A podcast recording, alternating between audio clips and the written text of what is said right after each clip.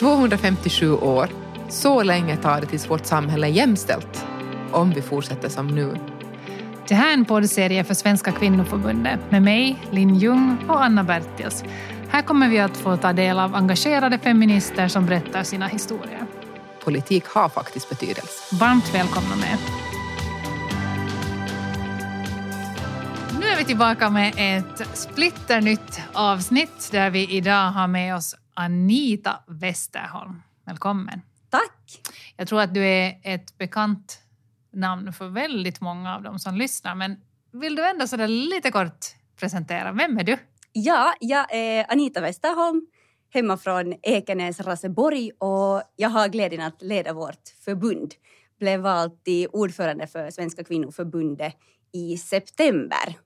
Mm. Så rätt nyvald men ändå börjar bli varm i kläderna. Ändå inte riktigt en nybörjare här i de här sammanhangen utan du har nog varit med ett tag. Hur känns det att jobba på nationell nivå med jämställdhetspolitik? Är det, liksom, är det rock on varenda dag?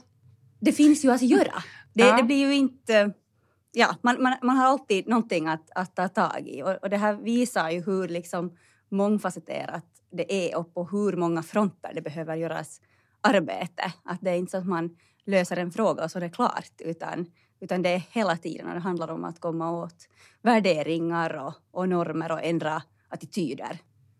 Och idag ska vi prata om ett av våra favoritämnen, kan man säga mm, så? Det kan man väl säga. Mm. Vi har döpt dagens avsnitt till Om 257 år är vi framme och vi lyckades gräva fram en rapport som handlar om global jämställdhet och, vi hittade den här siffran där, alltså att, att på glo global nivå så skulle det ta ännu 257 år tills vi är jämställda på jobbet. Vad säger du som kvinnoförbundets ordförande om den siffran? Det är fruktansvärt och det är oacceptabelt. ja, alltså det ska ju inte ha någon skillnad vilket kön man har, vilken ålder man är i, ens bakgrund, ens sexualitet.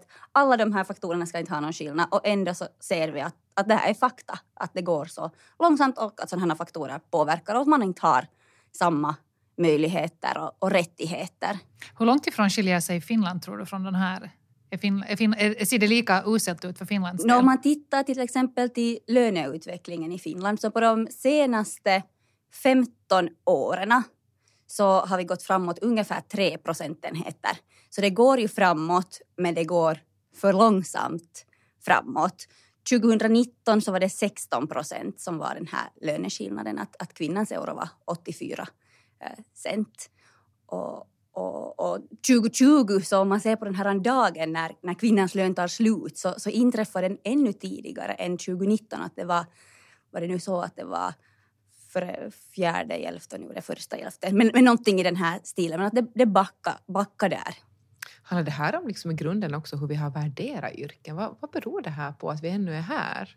Så, så är det ju. En, en del av de här löneskillnaderna så handlar om, om att, att Finland är väldigt segregerat när man ser till, till arbetsmarknaden och att eh, man då inte värderar äh, arbeten lika. Att det, det ska ju vara väldigt klart och det är klart för, för mig och för kvinnobundet att man ska ha lika lön för likvärdigt arbete. Det är också klart för, för regeringen att ta sig in i likalönsprogram och så här men, men ändå så, så är vi ju inte där. Sen finns det också, äh, där det, om man inte ser till, till segregationen utan det finns liksom också för, för helt samma arbete också skillnader. Eh, fast man har uh, samma utbildning och har varit i branschen lika länge. Och så att man, inte ser, man kan liksom inte peka på någonting och ändå Osynliga finns det. strukturer. Ja. Mm. Så jag kan förklara det här åt mina barn här en dag, åt min äldsta dotter, hon som är 11 år också, att just det här med lika lön, det var väldigt svår grej bara att man ska förklara, man bara liksom virrar in sig i och hon fattar ingenting. Ja, kan, det, det kan det vara så här? Mm. För dem är det självklart också att det, att det ska vara lika lön för likvärdigt arbete som du sa. Hur ofta blir ni kontaktade av, jag tänker ni, ni, är, ju en interna, ni, ni är ju en nationell intressebevakare, kvinnoförbundet. Hur ofta får ni liksom respons från fältet, från sådana som inte kanske är ens aktiva politiskt men vill berätta hur det faktiskt är? Det, det, märks ju kanske främst när vi tar upp de här ämnena på, på sociala medier och den diskussion som kan föras i, i kommentarsfältet och, och, och liksom responsen på, på inlägget. Och sen ehm, om jag nu ser så, så har jag nog inte så att min mejlkorg blir full utan det är mer i diskussioner som det kommer fram och sen, sen talar man med äldre så, så lyfter de ofta också fram den här skillnaden i pension Och där, där är ju skillnaden ännu större.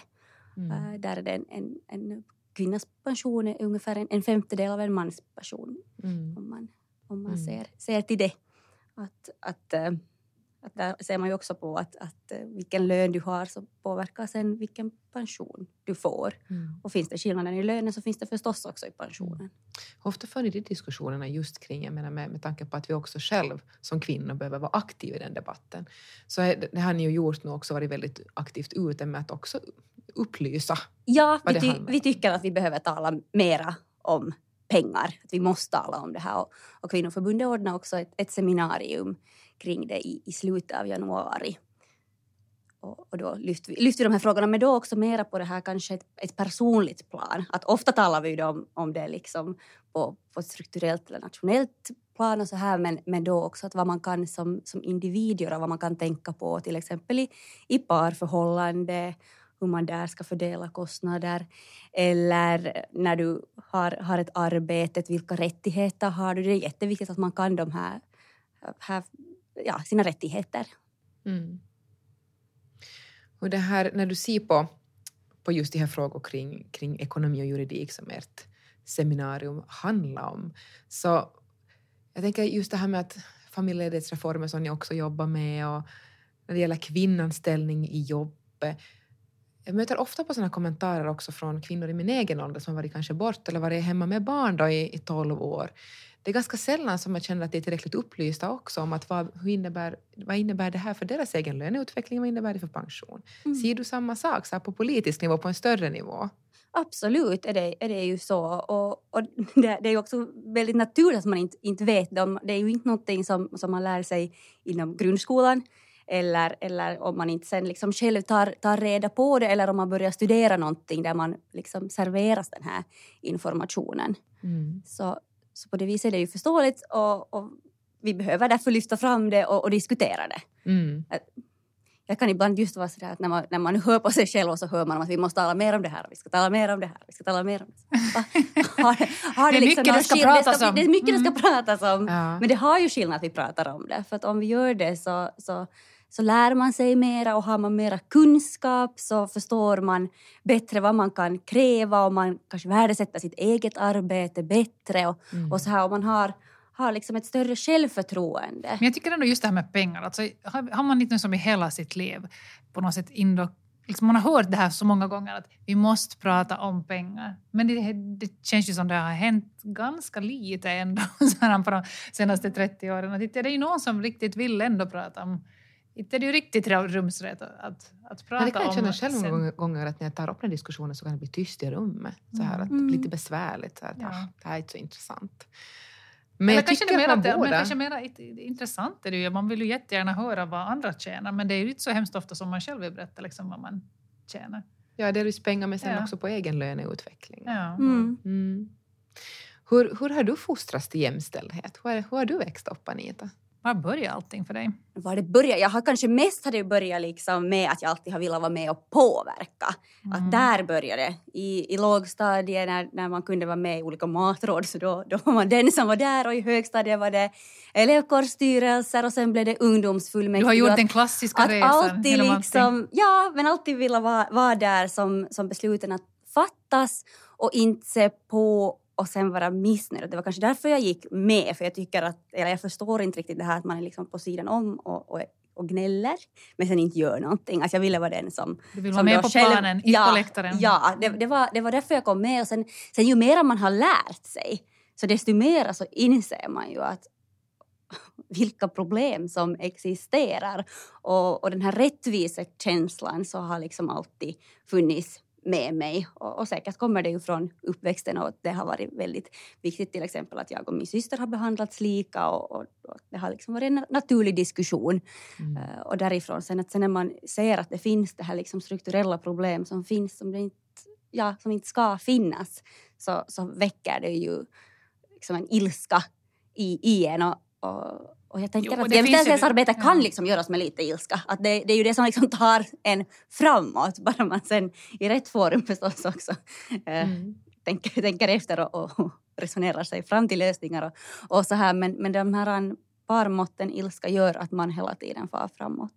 och, och att man är sagt. liksom driven. Det, Mm. det, Det befinner sig i så här uns med ilska där man, kommer, ja, man ser att det är ja, någonting som är, ja, handlar om rättvisa som du sa. ja, Också. ja, att man ska behandlas lika oberoende ja. kön, ålder, alla de här faktorerna. Det, det ska inte ha någon skillnad. Och så har det det. Och det gör mig fruktansvärt upprörd och arg. Och nu innehar du en post där du faktiskt kan, Ja, kan jobba på ett, ett helt annat plan för de Ja. här frågorna. absolut. Det, Hur kan, hur kan en, liksom en, en vanlig vardag se ut som kvinnoförbundets ordförande? min, min vardag är ju... den är inte så väldigt... här, Det är inte varje samma sak om vi säger som så. Jag är för tillfället så, så jag som jobb, jobbar som assistent till riksdagsledamot och minister Thomas Blomqvist. Och, och så studerar jag då juridik och, och ekonomi. Eh, Men de har jag lite på, på paus men försöker göra någon, någon kurs här och där när det finns tid och energi. Och sen är jag... Vilket det finns mycket av. Alltid. Ja. finnas.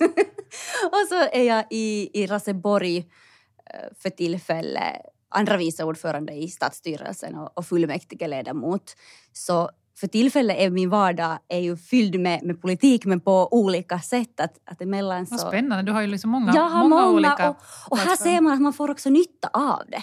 Att det jag lär mig på jobbet så kan jag ha nytta av som kvinnoförbundets ordförande och det jag lär mig i kommunen kan jag ha nytta av som kvinnoförbundets ordförande. Och, och så här att det finns liksom som de här Det blir en symbios mellan alla de här som Ja, ja synergieffekterna. Ja. Ja. så det, det, men jag kan inte säga att det finns en, en, liksom en, ett tydligt eh, schema på det Nej, men det är sättet. väl en, en, också en, en spegling av vardagen, det finns inte en tydlig vardag Nej. utan det händer en massa saker. Ja, ibland hopar det sig lite och så får man lösa det. Men, men det är också väldigt fint att, att det är en flexibel chef jag har och, och det här jobbet kan man också göra liksom, eh, ja, kvällstid, det, låter, morgontid. det låter som, en så här, som, en, som, en, um, som ett jobb från 20, som är som ett modernt jobb från 2021. Så då jobbar man väl lite så här. Mm. Ja, vi tror- platser. Man Samtidigt, ja, ja det, är, det är ju det. Och sen får man ju hela tiden komma ihåg det här att, att eh, vila tillräckligt och att det ska ätas och det ska sovas. Och, och där tänker jag att det är ju en, en utmaning som vi ser på ett samhälleligt plan mera och Jo. mera. Och också i, kan man kommunerna. säga. Jag följer Ja. aldrig jag följer inte rekommendationerna. nej, nej, och, och det har liksom ehm, blivit så att, att eh, kvinnor blir mera utmattade. Och, och vi har också sett en, en eh, utveckling från 2013 när man har tittat på det här. Ehm, så att just det här brådskan och, och problem med att orka så blir mera allmänna och det är särskilt bland kvinnor. Och, och där också digitaliseringen och, spelar en, en stor roll och hur man upplever den. Att medan männen liksom ser att det blir mer effektivt så har, har kvinnorna sett att, att det har varit en, en belastning och, och inom den här kommunsektorn så, så har det varit ännu mera negativa åsikter om, om införande av digitala program. Men Än berätta inom- om det, andra. kommunala sektorn. Ja, där är det så att närmare hälften av kvinnorna, det var, var det 48 procent, så anser att digitaliseringen har gjort att arbetet har blivit mera belastande. Och det här är ju någonting som vi behöver fästa vikt vid. Och också när vi närmar oss ett kommunalval så att där har man ju ändå möjlighet att påverka och att man hela tiden frågar uh, arbetstagarna att, att hur, hur är det och hur upplevs det och hur kan vi stödja? Eh, om man nu ser till, till digitaliseringen och, och teknik så, så är den ju långt utvecklad av män och kanske det är så att män har förstått sig, ja, det har blivit utvecklat på ett sätt som, som kanske en del har lättare att ta till sig än, än andra och att vi där ger det stöd som, som behövs för att den ska liksom hjälpa för, för alla. Det är kan inte ha någonting. Ja, Mm. Det skulle man vilja höra ännu mer av. Ja, Hur ser du på offentlig sektor överlag då, jämställdheten där? För jag menar, där har vi många olika, om vi tänker offentlig sektor som arbetsgivare. mm, För där, jag Mm. menar med tanke på hur många som är anställda per kommun eller stad, så ja. det är en betydande arbetsgivare. Hur duktig är man på jämställdhet så här på riktig Abs- praktik? Absolut. Om, man, om man nu tittar så kommunsektorn är väldigt bra att vi diskuterar för att där är ju en stor del är, eh, kvinnor. Ofta är det kring en, 80 procent av de anställda i kommunen är kvinnor och så 20 procent män. Eh, där är ju också så att det finns ju lagstiftning som väldigt långt reglerar. Man ska till exempel uppgöra sådana här jämställdhet och likabehandlingsplaner. Det ska alla arbetsgivare som har över, över 30 personer sådär, i, medel, medeltal eller över det. Eh, sen är ju frågan att hur, hur följs de här upp? gör man det tillräckligt? Och, och där Det finns ingen lagstiftning kring det. kan jag tycka, de- ska alltså uppdateras Mm. eh, minst eh, varannat år. Men det är ju också skillnad på att man uppdaterar en plan och på att man sen hela tiden tittar efter att hur går det, var, var går det framåt och på det här sättet. Vad tror Och du? På, där, på vilka... där, där tycker jag ju att, att eh, man som förtroendevald har ett, ett ansvar att, att fråga kring de här och, och se att hur, hur gör vi nu? Eller är det här ett papper som kommer till, till styrelsen och så godkänns det och så kommer det igen om två år. Att hur, mycket, hur mycket gör man däremellan? Uh, det, det är viktigt att, att minnas som, som Vad tror, du att, kom, vad tror du att kommunerna är bra och vad tror du att man skulle kunna göra lite, lite bättre? På vilka punkter? Um, nå, jag tänker alltså... Nu får du gissa. Ja, nej, jag sö- jag försöker efter titta på fakta. att om man, om man ser alltså det som, som vi vet att många behöver bli bättre på är till exempel att uppmunt- uppmuntra äh, pappor att ta, ta pappaledigt. Det, det kan vi också göra inom, inom den kommunala sektorn. Sen tänker jag just med, med till exempel att underteckna den här europeiska deklarationen om jämställdhet mellan kvinnor och män på, på lokal och regional nivå. Att kommunerna eh, undertecknar den och att man sen genomför den. Eh, där vet vi alltså att det finns kommuner eh, som inte överhuvudtaget har ännu undertecknat den och det här vill kvinnoförbundet säga att det blir, blir ändring i. Alla kommuner ska underteckna den här och sen ska den också genomföras effektivt. Och där finns det alltså väldigt många uh, olika, olika åtgärder att, att ta fasta på. Vad signalerar det om man inte gör tänkte, det? vad- vad- jag. Hur tänker du? Vad är motiveringarna? Jag, jag har läst några motiveringar tror jag i me- media till det här men, men så det överlag, varför, vad är det som gör att de, de inte gör det? Jag, alltså, jag, jag förstår ju inte att man inte gör det. jag, jag tycker att man, man ska göra det. Sen om man gör det så då ska man ju också sen, alltså på riktigt göra det. Att det här med att bara teckna under vissa dokument, så det, Ja, att det är ju sen ingen en idé heller att, Mm. att det ska ändå genom, genomföras. Och, och där kan ju till exempel en kommun då Eh, laga en, en jämställdhetskommitté, tillsätta en, en sån som arbetar med att det sen eh, är liksom sektorövergripande arbete som görs men att någon har bollen hos sig. Det hoppas vi också att man nu i, efter kommunalvalet ser att det blir flera kommuner som har jämställdhetskommittéer. Mm. Om vi då ser liksom mera mot näringslivet överlag och bolagsstyrelser, det här är alltid så här delikat i media när man börjar diskutera kvoteringar och sen kommer man in på, på det här börsnoterade bolag, hur många leds av kvinnor idag. Och vi har ju själv upptäckt, jag och Linn, så här överlag när vi intervjuar människor och jo- i vår bransch, när vi ibland söker efter kvinnliga vd till exempel Mm. i vissa bolag, så, så hittas inte så jättemånga, utan vi återkommer oftast till det här samma om och om igen. Den här bredden är inte så Mm. stor. Är det Mm. så? Ja, ehm, inom, inom de här bolagen så finns det ju inte att det ska vara uppdelat. Det finns det ju i kommunerna de facto. Att, att där ska det vara så att, att eh, minst 40 procent ska vara kvinnor eller män. Det, det saknas i, i, i privata, privata bolag. Ehm, i, om man ännu ser till, till kommunerna, så det här finns ju inte när det gäller fullmäktige. Och vi vet att fullmäktige, så, så där är det 39 procent av ledamöterna som är kvinnor. Att där, där är det inte, inte jämställt. Och det här också att, att varför, varför är det inte det? det? Det är ju ingenting som gör att en kvinna på något vis skulle vara en sämre beslutsfattare. Att vi, det borde ju vara eh, 50-50. Och det här, det här jobbar vi också för nu, att, att det, det ska bli det. Eh, sen om vi, om vi då ser till, till privata så där, där vill jag minnas att 2019 så var det i hela 22 bolag, eh, börsbolag, som det inte fanns en kvinna med i, i ledningen. Och sen eh, var det 9 procent som hade en, en kvinnlig vd. Och den här siffran så var eh, sen också rekord. Så att samtidigt kan det vara en jättelåg siffra som är det högsta rekordet och det är ju fruktansvärt. Mm. Du skulle vilja ha lite högre siffror där. Ja, ja, alltså det, Initierar det, ni, det borde ju vara, det naturliga skulle ju vara 50-50 för att det behövs, i allt beslutsfattande så behövs det olika infallsvinklar och, och erfarenheter och personer med olika bakgrund. Att, Men det är, väl, att det är ju det som är liksom, det och måste gör man bäst resultat. ja, exakt. Jag tänker både för verksamhet och ekonomi så behöver det vara det av olika, både ålder och kön. Och, men är det någonting som ni initierar också tillsammans med näringslivet? Hur lätt är det att initiera en debatt på den privata sidan? Ja, det där skulle vi ju kunna ta som att vi skulle kunna skapa någon mera diskussion kring. Att, det har vi, har vi inte gjort nu under den tid i varje fall som jag har varit förbundsordförande och, och med i kvinnoförbundet. Ja. Absolut, att vi skulle diskutera det, diskutera det mera.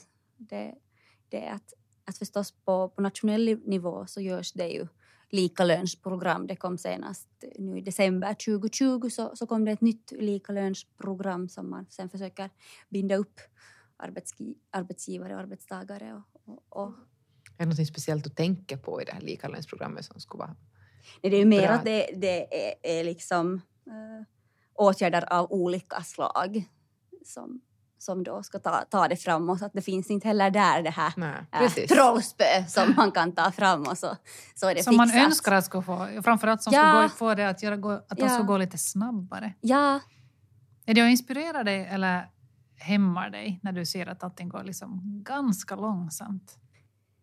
no, det gör ju mig frustrerad. Ja. Att hur kan det vara så här? Men eh, samtidigt så, så alltså, man ger ju inte upp.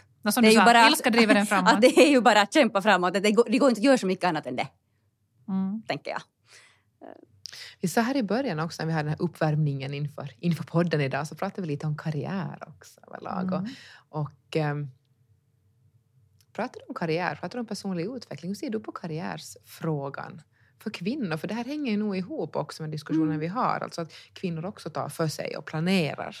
Absolut. Ja, det här med, med karriär är ju ett, ett intressant ord. Om man just slår upp det i Svenska Akademins ordlistan så då handlar det om att, att göra karriär, att, att stiga i graderna och så här. Mm. Men, men nu är det ju mera det här som, som ni var inne på, att, att det handlar om att, att man har personliga mål som man vill uppnå. Det finns en drivkraft hur man, hur man vill göra någonting och, och man vill liksom förverkliga sig själv. Att sen- absolut, det, jag tänker så som du sa också, att, eller som, med att det får, att det får en gradvis liksom en uppåtrörelse så är det ju inte kanske som man ser på karriär idag, att man kanske tar två, alltså ett steg framåt, två Och tillbaka, sidan och- Ja, och det där att man trivs och att man provar liksom, olika arbetsgivare, Ja. kanske olika branscher. Ja, Att det är kanske på sam, att det där begreppet karriär kanske lite står i omvandling just nu. ja, precis. Och det där kanske att man liksom får satsa på det man vill och att det ges möjligheter att satsa på det man, man tycker om och, och att det inte liksom finns något,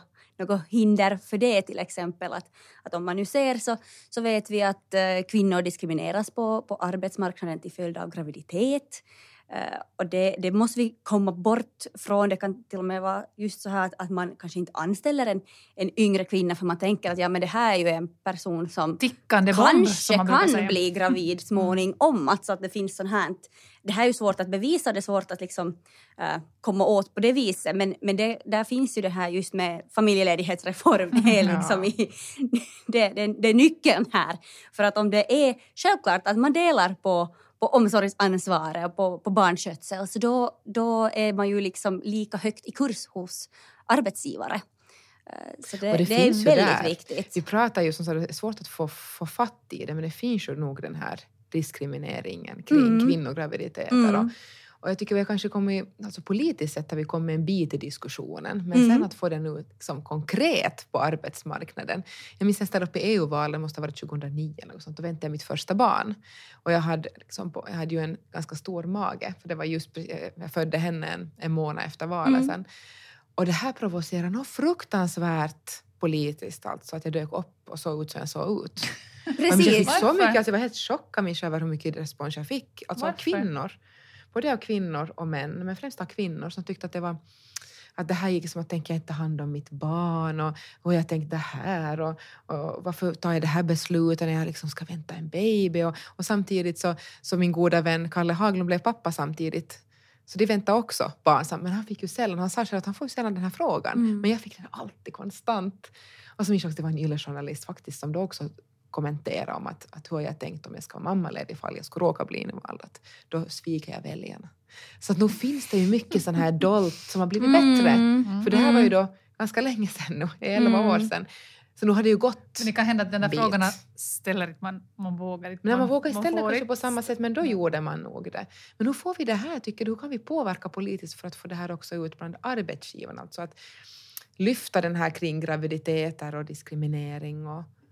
Ja, det är ju att vi samlas kring dels att vi, vi skulle godkänna liksom en väldigt ambitiös familjeledighetsreform. När det här avsnittet sänds så, så då är det eh, familjeledighetsreformen eh, har åtminstone gått ut på utlåtande och vi, vi får se vad som, som är på gång. Men, men där, där kan vi ju redan säga att det, det kommer, vi, vi, kommer inte vara nöjda när den, den är, är genomförd utan det kommer behövas liksom tas ännu flera steg framåt och att, att alla liksom där skulle förstå vikten av att, att det ska vara lika och, och att också äh, arbetsgivarsidan skulle, skulle vara okej okay med att det skulle kanske kosta lite mera i, i början men, men sen på sikt så skulle det ju vara en, en vinst att, att allas kapacitet skulle, skulle kunna komma fullt till mm. godo ta tillvara kompetens som, kompetenser som finns hos ja. Att man inte är rädd för liksom, att det kan komma ja. någonting annat, tvärtom. Exakt. Mm. Och man lär ju sig förmodligen väldigt mycket också sen när man är är hemma och, och att där kommer säkert styrka. Jag har inte barn men jag kan tänka mig att ni som, som mammor har, har lärt er att strukturera saker på ett annat sätt ja, och kanske, kanske se vissa sådana saker som man kan ha, ha nytta i, i, i arbetslivet. Det är ju inte liksom på något vis bara ett, ett det är ju inte någonstans ett minus att man har varit hemma och Nej, tvärtom. Jag har ju gärna det, haft ju... småbarnsmammor runt mig. Jag har gärna anställt just specifikt mm. småbarnsmammor för att de är oftast väldigt effektiva. För de vet att tiden är utmätt för varenda sak. att den här strukturen mm. måste vara så skarp. Mm. Så att där finns, man ska komma ihåg att det finns mycket gott man, som man ja. lär sig av, av de här bitarna också. Men det, jag tycker att, att det, jag minns tillbaka från min studietid, så den, den det där året som jag var, liksom, som jag var, som jag var mellan, jag var hemma med barn och jag var gravid igen. Men jag studerade där ett, ett år hann jag studera däremellan innan andra barnet kom. Och aldrig har jag tagit så många studiepoäng som det när jag hade en liten baby under armen och var gravid. För jag visste att nu, är det, nu måste jag få ut det här mellan, innan jag föder. Och jag visste att jag hade några, några, luckor, några timmar liksom per dag. Och då gjorde man ju, man pressade ju skiten ur den där tiden och gjorde så mycket som möjligt. Så att det är liksom inte... Ja, ja. Ibland, sätter, ibland att ha, att ha så här eh, liksom, press på sig och man vet att när, när, då måste jag få undan så mycket som möjligt. Så det är en bra sak. Men när vi är in på det här intressanta ämnet med graviditeter och, ja. och diskriminering överlag, så hur är det med just det här visstidsanställning? För det här är någonting som ofta kvinnor faller in i, och unga kvinnor, just för att man... Mm. Ja, och man kommer inte riktigt åt det alla gånger om inte upprepar det efter varandra så att man kan hävda. Men, men hur ser du på Anita, för det här är kvinnoförbundet varit tydliga med också. Så är det, och där, där att man vet de här rättigheterna som man har som, som arbetstagare. Att det, det ska ju faktiskt finnas eh, skäl för att man ska kunna anställa en person viss tid, liksom att det är kontrakt efter kontrakt efter kontrakt som är viss tid. Att, att man vet om att man kollar, kollar upp att det finns den här grunden. Um, om man ser till, till statistik så, så är det ju också så att det är betydligt flera kvinnor än män som har visstidsanställningar och, och detsamma med, med deltidsanställning. Vad beror det på då? Uh, här är att, att uh, det var, det var uh, eh, 19 procent av kvinnorna och 13 procent av männen som hade en, en visstidsanställning och sen när det kommer till deltidsjobb så var den här skillnaden ännu större. Att år 2019 så jobbade 22 procent av kvinnorna och 10 procent av männen deltid. Det är stor skillnad där. Mm. Men vad, kan det, vad beror det på? Är det liksom att, att kvinnor är som, äh, sämre på att liksom, den, ställa mest, upp på det, eller handlar det om olika den, branscher? Eller vad handlar den det om? mest allmänna mm. orsaken mm. till, till deltidsjobb så det är brist på heltidsjobb bland, bland kvinnorna och sen mm. är det mm. studier som är orsaken bland männen. Att där ser man också en skillnad till orsaken. Mm. Som är, är, problematisk att, att det blir på det här viset. Mm. Som vi behöver också ta tag i. Så det finns helt enkelt mycket att göra med andra ord under de kommande fyra Spännande åren. Spännande fyra år framför dig, va Anita? Ja, ja. Men vad hoppas du om du får liksom riktigt måla upp en sån här drömbild om du tänker att vi kikar fyra år framåt och nu du har liksom mm. gjort ett riktigt, riktigt bra... Du har gjort fyra riktigt goda år. Var hoppas du att Finland ska vara då? No, alltså målet är ju det här som, som jag har upprepat hur många gånger som helst redan i, i det här avsnittet tror jag. Att alla oberoende kön, ålder, bakgrund, läggning, all, allting. Att man ska ha samma möjligheter och samma rättigheter. Och, och där är vi eh, Om 257 år. Förhoppningsvis går det betydligt fortare än så. Men, men det, det att det genomförs en, en ambitiös familjeledighetsreform, det är av, av oerhörd vikt. Sen att vi också bekämpar våld mot kvinnor, att det där finns effektiva rättsmedel och att äh, man, man stöder och, och att det inte finns den här skammen kring det och, och att äh, personer får, får hjälp med att hantera äh, beteende, allting som, som kommer till det, att, att det måste vi verkligen också ta, eller vi måste få bukt med för att det, det är så att, att Finland placerar sig oerhört högt, att vi är andra, andra sämst i Europa.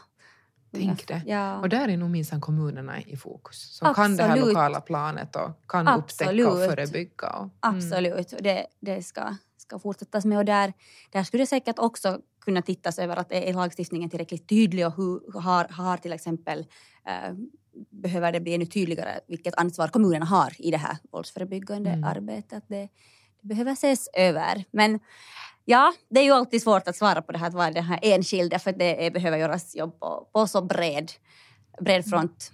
Politiskt har du, har du många sådana här, många så här punkter som ska checkas av. Mm. Men om du tittar på dig själv, vi har pratat mycket om drömmar i den här med i andra avsnitt. Vad har du själv för, för drömmar kring din, din framtid och kanske just kring karriär och jobb och det som vi har pratat om här? Ja, man, man kan ju ibland tänka sig att jag kanske skulle ha en väldigt tydlig plan eller jag kan tänka mig att någon ser på mig som att det ser ut som att jag har det utfunderat.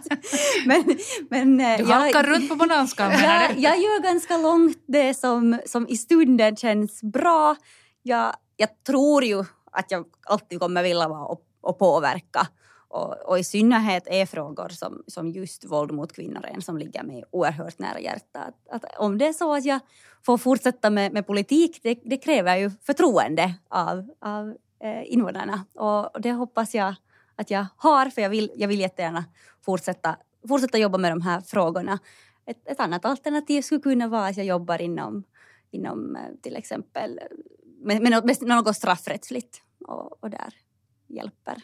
Och drömmar behövs ju. Drömmar Oberoende behövs, ja. var man är i livet så behövs det liksom Ja. drömmar om nästa steg, annars blir det ganska så är det. tråkigt. Så är det. Men, men jag tänker också att det, mest, eller det viktigaste är ju kanske det här att man är liksom nöjd i, i stunden och, och att man eh, har hälsan i behåll och att ens nära och kära mår bra. Att det, det märker man eh, i synnerhet av när man eh, inte har det så. Mm. Då är det väldigt tydligt. Och att, att komma ihåg det där också de dagar som, som är bra. Det är jätteviktigt. Mm. Jätteviktigt Så, så och både, jättesvårt. så Man- både lite, både lite Ja. att bara kunna vara i nuet Mm. och se framåt på Mm. nästa steg. Det, kan, det, Mm. båda behövs. Båda behövs. Men det ja. omringar ju fint jämställdhetsfrågorna de kommande år. Både Ja. vara i nuet men alltså sikta kraftigt framåt också. Så är det. Mm. Ja. Mm. Vad fint! ja, men de orden kanske det är bättre än så blir det inte här. Hörde. Det var de, det var, vi avslutar när vi är på topp. Ja, vi fortsätter arbetet och framtiden är jämställd. Ja. Ja. Tusen tack Anita för att du kom hit idag. Tack Anita! Lycka Tack. till med allt. Den här podcasten produceras för Svenska kvinnoförbundet i samarbete med Svenska kvinnoförbundet i Sörnäs och Svenska bildningsförbundet. Svenska kvinnoförbundet jobbar för en feministisk politik i Finland. Läs mer på kvinnoförbundet.fi eller följ oss i sociala medier. Och kom ihåg att rösta i kommunalvalet. Hej så länge! Hej hej!